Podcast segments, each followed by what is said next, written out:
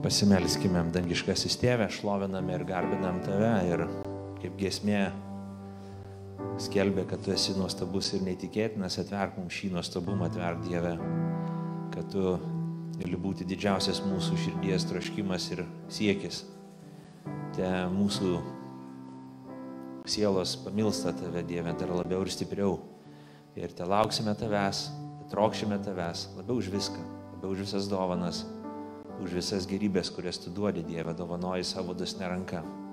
Padėk mums šiandien gilintis į tavo žodį, padėk mums bręsti, padėk mums ne tik tai nuraminti save, bet aukti ir bręsti, būti tvirtesniais dvasiniai, būti augesniais tikėjime, kad mes viešpatie ne, nepasiliktumėm tokie, kokie atėjom, bet išeitume gavę pamoką iš tavęs, kad Dieve tu pamokytum mūsų savo žodžio. Prašom to per Kristų ir visi sakome Amen. Gerai, prisėskim visi. Ir tie, kas namuose galite prisėsti lygiai taip pat. Mes toliau skaitome psalmių knygą ir kviečiu atsiversti šventą įraštą, kas turi šventą raštą. Atsiverskime jį, yra labai gerai mums gilinti, žiūrėti. Atsidarykime, jeigu jau turit mobiliajame telefone, atsidarykite programėlę ir gilinkimės. Šiandien kalbėsime apie Dievo laukimą. Šiandien kalbėsime apie tą asmeninį santykį su Dievu ir gilinamės į 42 psalmę. Taigi atsiverskime šią psalmę, 42 psalmę. Šiandien jau mes girdėjome šios per, per, per, per pamaldas ir, ir skaitant, cituojant maldoj ir giesmiai. Taigi trečią kartą jau girdėsim panašų tekstą, ne visą, bet iš dalies, taigi skaitykime. Kaip elne geidžia upelio vandens, taip mano siela geidžia tavęs, o Dieve. Mano siela trokšta Dievo, gyvojo Dievo, kada ateisiu ir pasirodysiu Dievo, namuos, dievo akivaizdoje. Ašaros man buvo duona dieną ir naktį, kai jie kasdien man sakė, kur yra tavo Dievas. Kai prisimenu, tai išlėjau savo sielą, nes traukdavau suminiai Dievo namus, džiugaudamas ir dėkodamas iškilmingoje eisenoje. Ko taip nusiminiai mano siela, ir ko nerimsti manyje. Lauk Dievo, nes aš dar girsiu jį už jo veido pagalbą. Mano Dieve, mano siela liūdi manyje. Prisimenu tave iš Jordano šalies ir Hermono nuo Micaro kalno. Gelmė šaukia gelmę, vandeniui triukšmingai krintant. Tavo bangos ir Vilnis per mane liejas. Dieną prieš viešpat savo malonę, naktį gėdosiu jam, savo Dievui, kuris teikia man gyvybę. Tarsiu viešpačiui savo uolai Kodėl pamiršai mane, kodėl turiu vaikščioti nuliūdęs, spaudžiamas priešo. Kenčiu likaulus laužant, priešai tyčiojasi iš manęs, kasdien klausdami, kur yra tavo Dievas. Ko taip nusimeni mano siela ir ko nerimsti manyje? Lauk Dievo, nes aš dar girsiu jį savo veido pagalbą ir savo Dievą. Tai Dievo žodis ir galime sakyti Amen. Taigi, 42 psalmė, kokias pamokas mes galime iš jos išmokti. Pirmas dalykas e, tai, kad mes galime patirti Dievo artumą. Tai nėra kažkoks ypatingas, mistinis, retam skaičiui žmonių pasiekiamas nušvietimas ar, ar kažkokia malonė. Mes iš ties galime patirti Dievą, patirti Jo gerumą, patirti Jo meilę, patirti Jo artumą, patirti linksmybę. 43 psalmė sako, žiūrėkit, ketvirtą eilutę, sekanti psalmė, jin labai arti ir savo mintim ir idėja. Sako, eisi prie Dievo aukuro, pas Dievą savo didžiausią linksmybę. Jisai psalmininkas, greičiausiai tai tas pats psalmininkas ar tie patys psalmininkai kūrė 42 ir 43 psalmę ir jie sako, Dievas yra didžiausia mano linksmybė. 36 psalmė 8 eilutė sako, jie pasotinami tavo namų riebalais, tu duodi jiems gerti iš tavo malonumų upės. Oh, pasirodo, Dievas turi malonumų upę ir leidžia iš jos gerti. 46 psalmė. Upės, sro, upės srovės linksmina Dievo miestą. Taigi, Dievo mieste yra linksmybės upės, linksmybių upės. Ketvirtoji psalmė, septinta eilutė sako, tu davai mano širdžiai daugiau linksmybės negu jiems, kurie turi gausiai javų ir vyno. Neįtikėtina. Šventas raštas kalba tokį dalyką, kad Dievas priešingai negu e, kažkokia religija mums diktuoja, ta tradicinė tokia kažkokia religinė sąmonė mums diktuoja, kad jeigu žmogus išgyvena, patiria Dievą, jeigu kažkaip susiliečia su Dievu, ateina rimtis ir susikaupimas. Atvirkščiai mes matome, kad žmogus patiria linksmybę, džiaugsmą.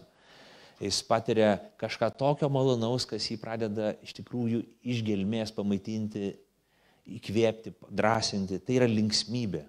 Ne ta tokia keista linksmybė, bet tikra sielos linksmybė, kai žmogus džiugoja, Dievu. Žiūrėkit, įdomus dalykas, ketvirtojo psalmė sako, kartais mes turim linksmybę dėl to, kad mums viskas labai gerai, kad fainai, kad mes įsigijom kažką, kad mes klestim, kad mes turim gausiai pajamų, mūsų ateitis šviesi ir taip toliau. Ir tai mums duoda tam tikrą linksmybę. Kas ilgiau gyvena, žino, kad čia irgi ilgai linksmintis nereikia, nes tai tokie dalykai kaip COVID ir viską gali verskutinkojom, krizė gali viską atimti iš mūsų. Bet sako, mes turim daugiau linksmybės negu tie žmonės, kurie turi gausiai pajamų, gausiai turto, kurie klesti šiandien.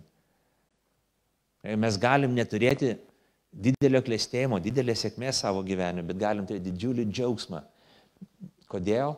Dėl to, kad uh, mes, mes turime Dievą, mes, mes patirėme jį. Di, mes išgyvename Dievą, mes galime patirti tą intimų santykį su Dievu, bendrystę su juo. Jeigu mes patikėjome Jėzų Kristų, jeigu mes supratom ir suvokiam, ką Jėzus padarė ant kryžiaus už kiekvieną iš mūsų, tai yra ką padarė dėl manęs, kad viešpats Jėzus, mirdamas ant kryžiaus, paukojo savo gyvybę, atidavė savo teisumą, savo šventumą, savo visus nuopelnus tam, kad mane išpirktų, mirė ant kryžiaus vietoj manęs. Mes išgyvenom, mes išgyvenom netikėtiną Dievo gerumo plankymą savo gyvenime. Koks Dievas yra geras. Ir tai nėra tik žinios, nėra tik tai žinojimas, tai yra ir patyrimas. Mes patiriame tai. Asmeniškai patiriame Dievo artumą, kai susidurėm su Evangelija, kai klausom Evangelijos žinios, kai suprantam, ką Jėzus padarė, mes, mes patiriam tą um, Dievo malonę. Uh, sako, žiūrėkit, 8 eilutė, dieną prieš viešpat savo malonę Malonė, malonė yra Dievo sostas, Dievo sostas yra malonės sostas. Ir prie kai prie jo artinamės, mes patiriam neįtikėtiną Dievo gerumą savo atžvilgiu. Ir tai, tai yra nuodėmė atleidimas, tai ramybė, prieimimas, įsunystė. Šventoji dvasia mums liūdė, kad mes esame Dievo vaikais. Dievas atsiunčia mums šventą dvasę. Jeigu mes tikime Jėzų Kristų ir liūd, ta dvasia liūdė, tavo tėvas yra Dievas, kad Dievas yra tavo tėvas. Dievas nėra rūstaujantis teisėjas. Dabar per Jėzų Kristų jis tampa tavo tėvu. Jisai yra tavo tėvas, kuris priima tave į savo šeimą. Pati dvasia liūdė mūsų dvasiai, kad esame Dievo vaikai. Jis vidiniai liūdė mums, kad mes esame Jo vaikai. Jis liūdė, kas mums yra tėvas, kas ir mums yra Dievas. Tai, tai nepaprastai intimu, tai nepaprastai godžia, tai nepaprastai stiprina mus. Ir mes tai galim patirti, ne tik žinoti, bet patirti. Ir tas patyrimas, jeigu mes esam tai patyrę, jis niekur nedingsta, mes galim nutolti nuo Dievo. Bet tą, tą patyrimą mes prisiminsim. Aš pasakoju visiems savo žmonėms, kuriems įdomus mano atsigrėžimas, mano, mano pirmieji susitikimai su Evangelijos žinia, kai aš patyriau tą susitikimą būdamas jaunas paauglys, kai aš suvokiau kažkiek iš dalies Evangelijos žinę ir supratau, kad Dievas yra geranoriškas man. To įspūdžio, tos kažkokios to pažinimo, bet ir patirties, tu negali niekur, ne, negali užmiršti to dalyko. Nes tai įsispraudžia į tavo sielą taip giliai, taip stipriai. Ir mes galim tai patirti. Visi, kas yra krikščionis, tai yra daugiau mažiau patyrę. Ir, ir tai neįtikėtina, tai tikra. Tai nėra psichologinis triukas, tai nėra savitaiga. Tai Dievo patyrimas. Ir įdomus dalykas, ką mes, ką mes gėdojom e, gesmėse, ako kaip pelnė geidžia upelio vandens, tai mano siela geidžia tavęs pirmoji lūtė, o Dieve. Mano siela trokšta Dievo, gyvojo Dievo, kai ateisiu ir pasirodysiu, kada ateisiu ir pasirodysiu Dievo akivaizdoje. Trokšti Dievo. Dievo troškimas. Ekim, būti su Dievu yra malonumas. Tas neįtikėtinas dalykas. Aš toks sąmoningai atsiverčiu, kai man buvo 16 metų, dėl to man labai būna įdomu žiūrėti tuos atsivertusius jaunus žmonės, jaunus virukus, kurie atsiverčia ir sako, o, aš sako, noriu eiti melstis. Ryte atsikelsiu anksčiau ir, ir pasiemu Bibliją ir eisiu melstis. Ir skamba netikėtinai, kaip gali būti, kad 18, 16, 22 metų jaunas virukas Jisai atsikelia anksčiau tam, kad galėtų pasimelsti Dievui, kad galėtų skaityti raštą ir pamastyti šiek tiek apie Dievą. Tas būna neįtikėtina. Kaip, taip, kaip tu gali, kaip, kaip, kas tave gali priversti tą dalyką daryti? O štai žmogus pats vidiniai patyręs Dievo gerumą, Dievo malonę, patyręs tą intimų santykių su juo, jisai uh, patyręs Dievo artumą, jisai trokšta šito, jisai siekia, jis nori šito jisai, a, jis alksta jo, nes Dieve yra malonumas.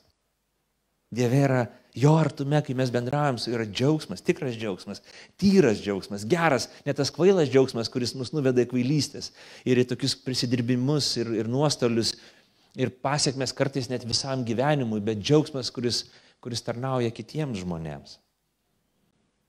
Atgyva ir taip toliau, ir taip toliau. Ir čia paima pavyzdį kaip Elnės, Elnės, Elnės, nesako, Elnės trokšta vandens. Čia supraskim, kad mes kalbam ne apie, ne apie Lietuvą. Psalmininkai nebuvo toli lietuviai, net ne koks tautvidas ar mažydas rašė šitą psalmę, bet rašė žmonės, kurie gyveno viduržėmio jūroje, pakrantėjai, kur dikinės yra ir kur vanduo yra gyvybiškai svarbus. Mūsų kraštuose sakytų, kaip, kaip Elne kaip Elne geidžia, kaip Elne geidžia, uh, o, atsiprašau, čia man kažkas paskambino. Aha, man kažkas paskambino į telefoną, klausykit, ir jisai čia kažkaip pradėjo man skambinti. Tokie dalykai. Tai va, taigi, um, mūsųse būtų taip, kad mes sakytumėm, jog uh, Come on mūsųse sakytumėm, kad jeigu, jeigu Elne nori išgyventi, Elnės nori išgyventi, jis turi bėgti į kažkokią tai e, nuo, nuo vandens, na, iš pelkės, kad išgyventų. Bet anuose kraštuose, ten, kur buvo rašomos šios psalmės, ten, kur dykuma yra, kur, kur yra upės, kurios teka tik lietingų periodų, ne, o, o, o sausros metu jos išdžiūsta, išlieka tik keli, keli vandens šaltiniai, gyvūnai, bet kokiam gyvūnui gyvybiškai svarbu yra atrasti užuosti, kur yra vandens ir tik atradęs vandens vietą tas gyvūnas užtikrina savo egzistencijos išbuvimą. Gyvūnas instinktyviai žino, kad be vandens jisai neišgyvens. Ir jisai uosto orą, jis keliauja, migruoja gyvūnai, ne, tose vietose, kur mažai e, yra vandens. Ir nes tai jo, jo, jo gyvenimas, tai jo atgyva. Ir kaip, kaip Elnes tas taurus gyvūnas trokšta, uosto orą, ieško, klajoja, kartais nerimaudamas klajoja. Taip sako mano siela, lygiai taip pat trokšta Dievo. Aš taip pat jo, jo siekiu. Aš trokštų jo. Aš trokštų Dievo. Aš trokštų Dievo labiau negu atsakymų į savo maldas. Aš trokštų Dievo labiau negu stebuklus pamatyti, labiau negu dovanas gauti iš jo labiau negu gerai pasirodyti ant scenos, darbe, šeimoje, prieš kitus žmonės. Aš noriu jo, aš noriu Dievo. Dievas yra mano egzistencijos tes, tes, testinumo garantas. Aš dėl jo esu, jisai mane išlaiko. Aš noriu jo, aš noriu jo, aš noriu jo. Kaip dažnai man tenka girdėti, kai žmonės nusivylė Dievu dėl to, kad Dievas jiems nepadėjo, Dievas neatsakė, Dievas nepagydė, Dievas ne, ne, ne, nepadėjo jiems patirti paaukštinimo. Aš taip melžiausi, taip prašiau Dievo, bet Dievas tai man nepadėjo. Jis, jis, jo, aš nesilaukiu pagalbos iš Dievo. Dėl to nematau prasmės, kodėl turėčiau melstis. Manau, kiekvienas iš mūsų esame patyrę, ar bent jau nemaža dalis esame patyrę kitų žmonių išnaudojimą kai kiti žmonės nori su tavim draugauti, būti su tavim, leisti laiką su tavim, kol jie mato naudą iš tavęs. Ir kai, kai mes tai patiriam, Tai mus labai stipriai žaidžia. Mes matom, kaip paskui žmonės gauna tam tikrą naudą arba mato, kad nebegaus naudos ir visiškai nebekreipia dėmesį. Mes būnam nebereikalingi tam žmogui ar tiem žmonėm. Tai mus labai žaidžia. Tai mus labai užgauna. Lygiai taip pat Dievas, jisai nori, kad jo vaikai trokštų jo, ne, ne dovanų. Dievas nori, kad jo vaikai nebūtų kaip tie maži vaikai, kurie atėjus tėčiui į namus, jie tik žiūri, ką tėtis turi rankose, jie išsilgia to, ką jis atnešė, bet ne paties tėčio buvimo su jais. Dievas nori, kad jo vaikai nežiūrėtų į Dievo rankas, bet žiūrėtų Dievo širdį, jo akis ir sakytų, aš trokštų tavęs, man reikia tavęs, aš, aš noriu būti su tavim, aš noriu tiesiog leisti laiką, aš noriu nuraminti savo sielą, aš noriu pasilikti tavį ir tavo akivaizdai. Taigi ši psalmė ne tik kalba tam tikrą istoriją apie psalmininką, bet ir moko, ei, broliai seserys, ei, kurie vadinat save krikščionimis, ei, kurie laikot save tikinčiai žmonėm, ar jūs trokšta Dievo labiau negu visko? Ar jūs kaip gyvūnas vat, bėgat nerimastingai ir sakot, man reikia mano Dievo, ne kažkokių dalykų, bet jo paties. Jeigu ne, Pakeiskit savo protą. Jeigu ne, pakeiskit savo įpročius, pakeiskit savo maldas, išsižadėkit tų dalykų, sakykit, ne, ne, man reikia, taip, mums svarbu viskas, mums svarbu karjera, mums svarbu finansai, mums svarbu šeima, mums daug, daug, daug dalykų svarbių, bet mes sakom, ne, mums svarbiau yra Dievas ir jo artumas.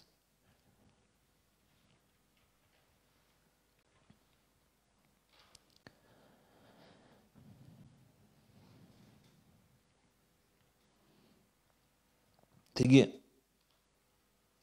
psalmininkas išgyvena tokią būseną, kad jis, ne, jis nebejaučia to, to artumo. Jis nebe, nebepatiria. Taip, jis patyrė, žino, kas tai yra, bet jis nebejaučia to. Ir tada jisai, jo būsena tokia a, labai, labai savotiška. Jisai, a, jis jaučiasi nutolęs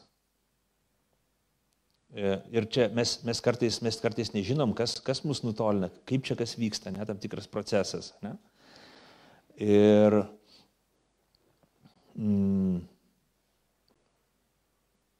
ir, ir, ir, okay, ir klausimas, klausimas, e, vadinkime taip, kad labai natūralus dalykas, jog mes kartais jaučiamės, jog taip, jog mes esam nutolę nuo Dievo mes kartais jaučiamės taip, tarytum, kad, okei, okay, aš žinau, kas tai buvo, aš atsimenu, kai aš patyriau Dievo artumą, bet dabar nebepatiriu Dievo artumo. Ir dar kyla daugybė klausimų mums, kas čia vyksta dabar. Neteisinga mums būtų mokyti krikščionį, sakyti, kad mes nuolat visą laiką patiriam Dievo artumą. Kad tas, tas patyrimas malonės, gerumo, prieimimo, atleidimo yra nuolatinis. Taip nėra mes kartais būnam emociškai kažkokiu tai būdu nutolę toliau nuo Dievo ir tada mes, mes išgyvenam tam tikrą agonę, kaip psalmininkas išgyvena. Mums kartais kyla klausimai ir galvojam, palauk, galbūt aš kažką padariau ir Dievas jau viskas jau persigalvojo ir nebenori būti su manim. Galbūt Dievas nusivylė manim ir man nepavyko pateisinti jo lūkesčių. Ir daugybė, daugybė kitų klausimų. Mums kyla klausimas, tiesa, aš dar apie būseną nepakalbėjau trumpai, būsena, kokia ta būsena būna, žiūrėkit, čia nebeskaitysiu eilučių, nes, nes laikas bėga. Mes būna, tas žmogus nuliūdęs, liūdėsys šeštą eilutę, ne, nusiminimas ir nerimas, ne, jis nerimauja, penktą, vienuoliktą eilutę, jisai jautrus apkalboms, kiti kalba ir aiškina apie jį. Ir čia aš galvoju vėl, man norisi ir norisi kartot, kad iš tikrųjų krikščionis, mes turim būti jautrus, ką žmonės galvoja apie mus. Tik fanatikai ir atsiskyrėliai nesirūpina tuo, ką kiti galvoja apie juos. Mes kaip krikščionys esam pašaukti galvoti apie tai, ką, ką žmonės apie mus galvoja. Arba tiksliau, mes, mes, mes norim būti bendruomenėje. Mes norime tarnauti bendruomenį, mes turim būti atviri bendruomenį, mes turim kurti ryšius, mes turim tarnauti žmonėms, mes turim skelbti Evangeliją, mes turim būti paslaugų žmonės. Ir jeigu mes tai darom, tada mes tampam labai jautrus, labai atviri, atviri viskam, atviri kontaktui, bendrystėj, atviri ir įžeidimui. Ir jeigu mes gyvenam tokį atvirą gyvenimą, yra didelė potencija, kad mūsų užgaus. Ir kai kažkas mus apkalba, kažkas mus šmeižia, kažkas iš mūsų mus žemina, tai mums būna labai skausminga. Ir taip turi būti. Blogiausia, ką padaro bažnyčia, ką padaro tikintieji, jie užsiskleidžia. Sako, eikit jūs visi švilpt. Aš tada, aš tada, jūs jeigu šitaip, tada aš jums tada nieko nedarysiu ir nieko netarnausiu. Ar da širdies jums savo neduosiu. Ir netarnausiu širdies. Ir tai netinka. Ir tai netinka. Jėzus Kristus parodė pavyzdį, jis tarnavo, jis buvo pažeidžiamas, jisai buvo užgauliojamas. Štai pavyzdys, kaip mes turim tarnauti, mes turim net tarnauti nepaisant to didelio skausmo, ne? bet mes tą skausmą išgyvenam ir psalmininkas eina sako, Dieve, aš va tai išgyvenu, jis jautrus toms apkalboms. Jo miegas sutrinka. Sako, trečia eilutė diena ir naktį, sako, ašaros buvo man duona diena ir naktį, kasdien jis sakė, kur tavo Dievas. Ir mytyba sutriko. Ne, jis nieko nevalgė. Vieni žmonės, kai išgyvena didelį stresą, daug visko valgo. Ir valgo, valgo, valgo, kol priauga kaip maisto bankas iki kažkokio, tai ten nežinau, kiekio, kurį reikia transportuoti. O kiti žmonės visai nustoja valgyti, nes išgyvena didelį stresą.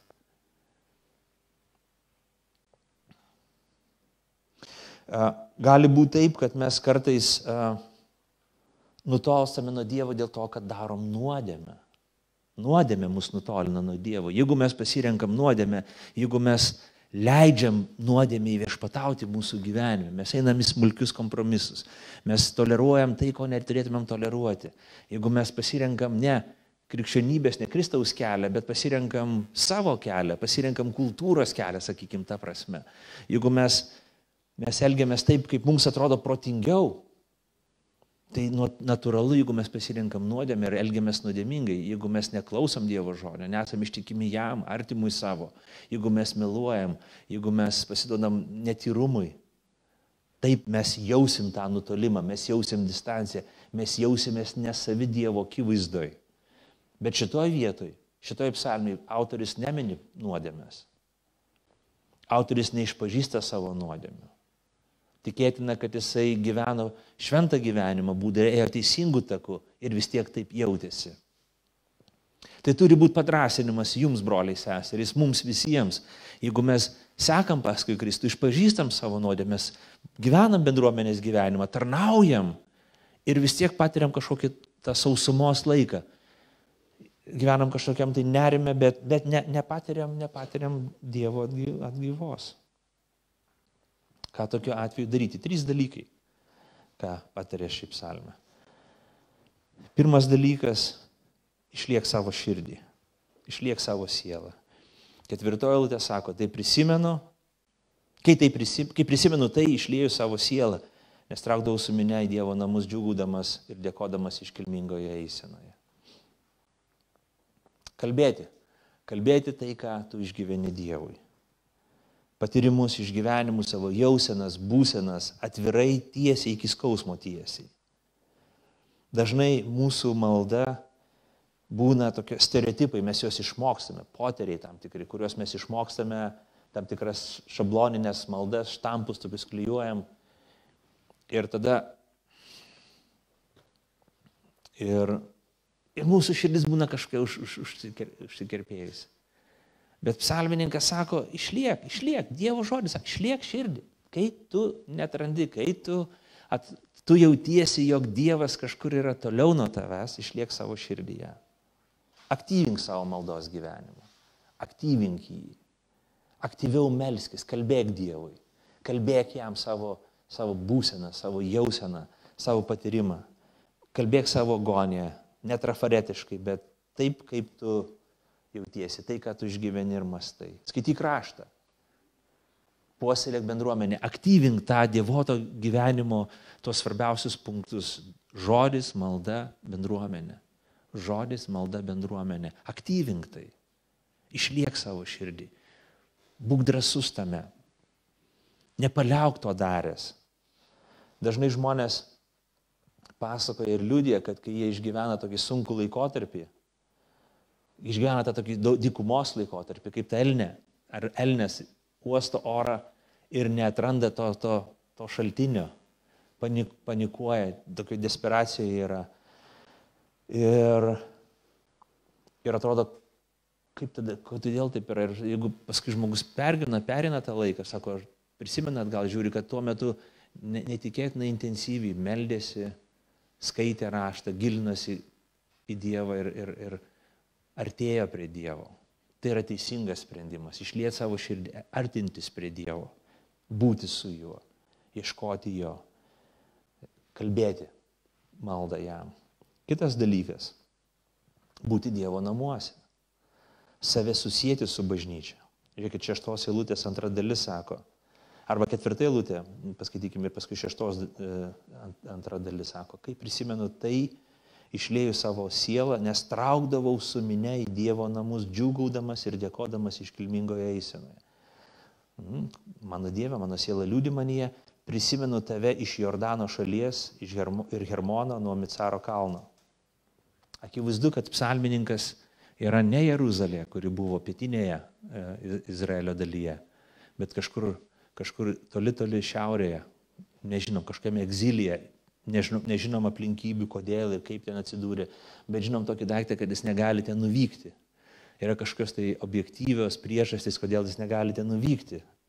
Ir jo siela ilgisi to. Jis sako, o aš atsimenu, kai aš eidavau į šventyklą, aš atsimenu to šventyklos sienas, vartus, kvapą, kai įeina į šventyklą, triukšmą, kuris yra ragą, kuris pradeda pūsti, giesmės, kuris pradeda gėdamos šventykloje, gyvulius, kuriuos veda į šventyklą, kad būtų aukojama.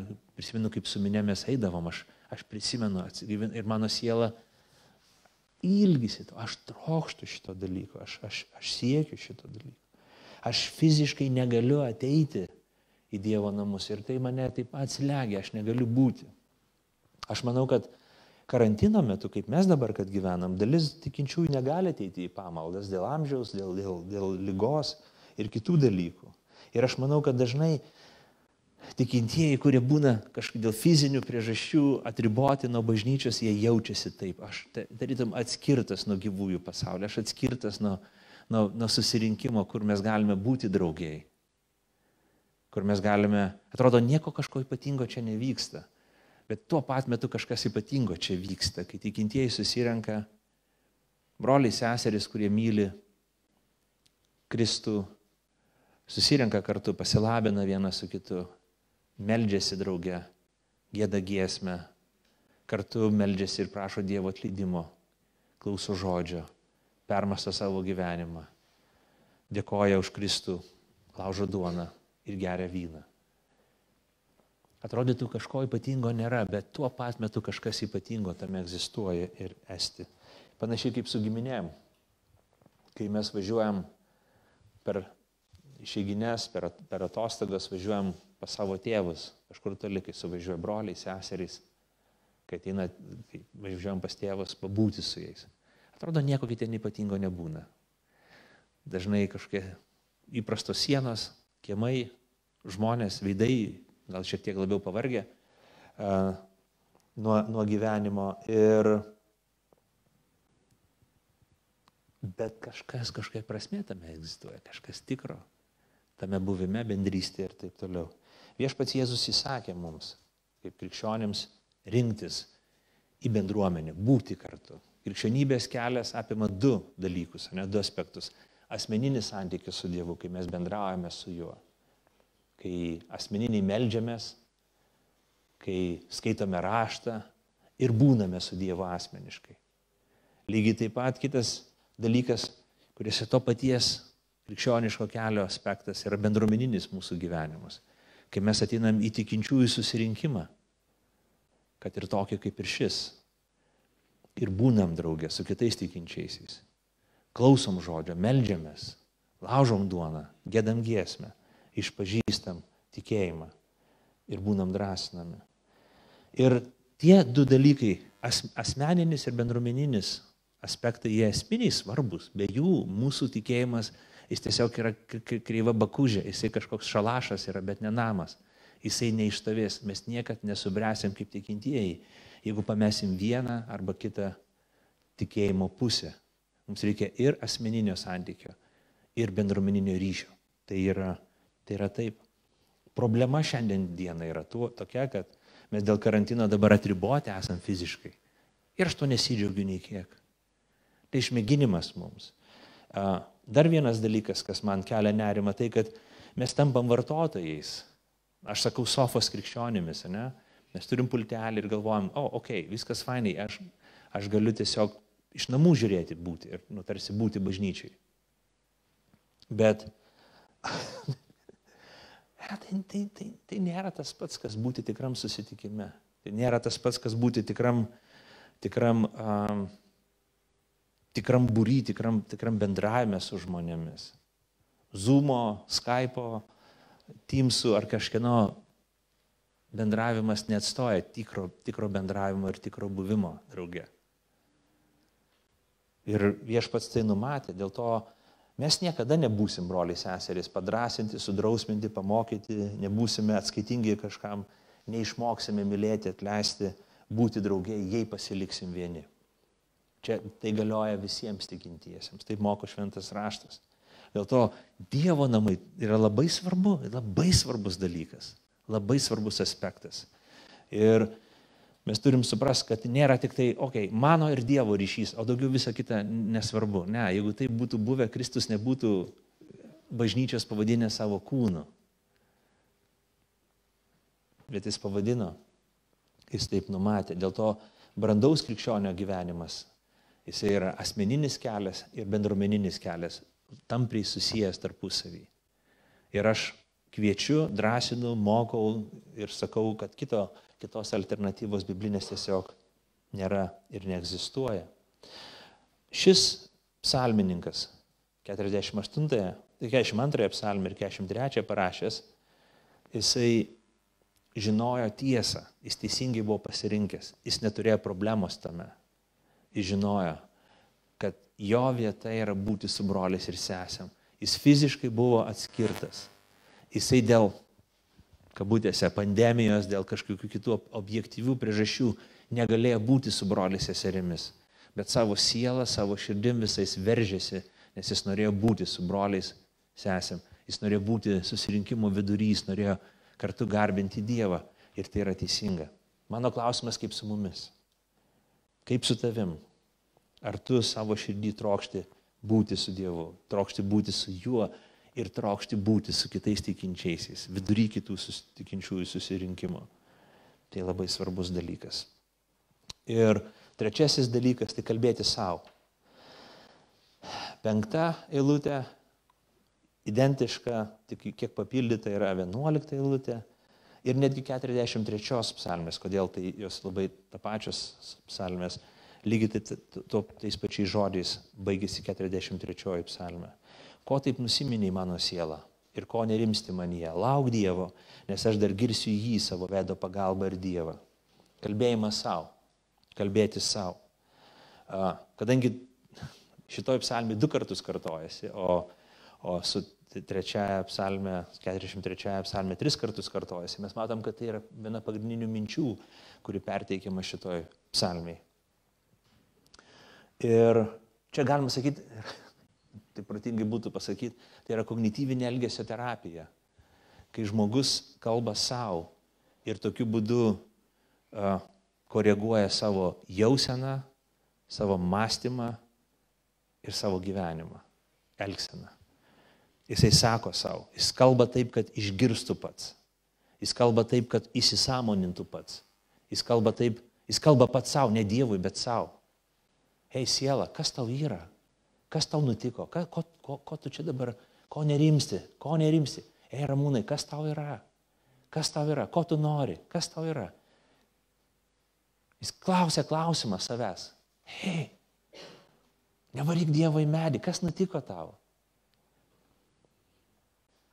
Paskui autorius sako, lauk Dievo, pasitikėk juo. Jis, autorius pamokslavo pats savo. Hei, nepamiršk, ką Dievas yra pasakęs, nepamiršk Dievo pažadų, nepamiršk, Dievas, koks yra Dievas, kas yra tavo Dievas, ką jis pažadėjęs, nepamiršk, kad Dievas ištikimas. Lauk jo, įsakmei kalba savo, pasitikėk juo. Taigi, brangieji, kai mes jaučiamės kaip ta elne ar elnes, kuris būnam kažkur tai dikiniai, be vandens ir neapčiuopiam, neaptarandam Dievo artumo, malda būna sudėtinga mums ir toks jausmas, kad, a, kažkaip tai vad nepatiriu, neišgyvenu. Galbūt tai yra geras laikas paimti save, sakyti, hei ramūnai, nusiramink. Hei ramūnai, prisimink Dievo pažadus. Nesiparink, ne, ne, nesi, ne, nesiblaškyk. Prisimink, ką moko Dievo žodis. Prisimink, ką Jėzus Kristus padarė ant kryžiaus dėl tavęs. Ei siela, pabusk, pažiūrėk, nukreip savo mintį. Prisimink jo pažadus, prisimink savo gyvenimo prioritetus. Žiūrėk, ar nėra taip, kad tu ramūnai trokšti Dievo dovanų, jo veikimo labiau negu jo paties. Ar nėra tau Dievas svarbus tik dėl tavo įvaizdžio, tik dėl tavo uh, santykių su kitais žmonėm, tik dėl to, kad tu turėtum kažkokią pridėtinę vertę kitų žmonių akise ir sakytum, wow, koksai tas žmogus neįtikėtinas. Galbūt tu Dievą naudoji tik jį saviem tikslam, o ne tam, tu neieškai jo tam, kad atrastum jį patį. Užduoti savo gerus klausimus ir sakyti, ne, ne, viešpatie, o, aš apčiuopiu savy tam tikrus dalykus, aš apčiuopiu, kad aš ieškau ne tavęs, bet tavo dovanų, žiūriu ne į tavo akis, ne į tavo veidą, bet į tavo rankas Ir aš noriu sakyti, ne. Aš noriu sakyti, ne. Aš noriu sakyti, ne. Aš noriu sakyti, Dieve, aš noriu trokšti. Aš noriu trokšti. Aš trokštų trokšti, kad ieškočiau tavęs labiau už viską. Aš noriu tavęs norėti labiau už viską. Aš noriu siekti tavęs labiau už viską. Tu man svarbesnis. Neatsakyk niekad iš tas maldas.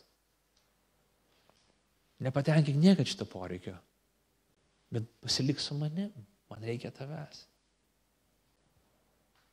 Ir čia įdomus dalykas yra, kad tai veikia.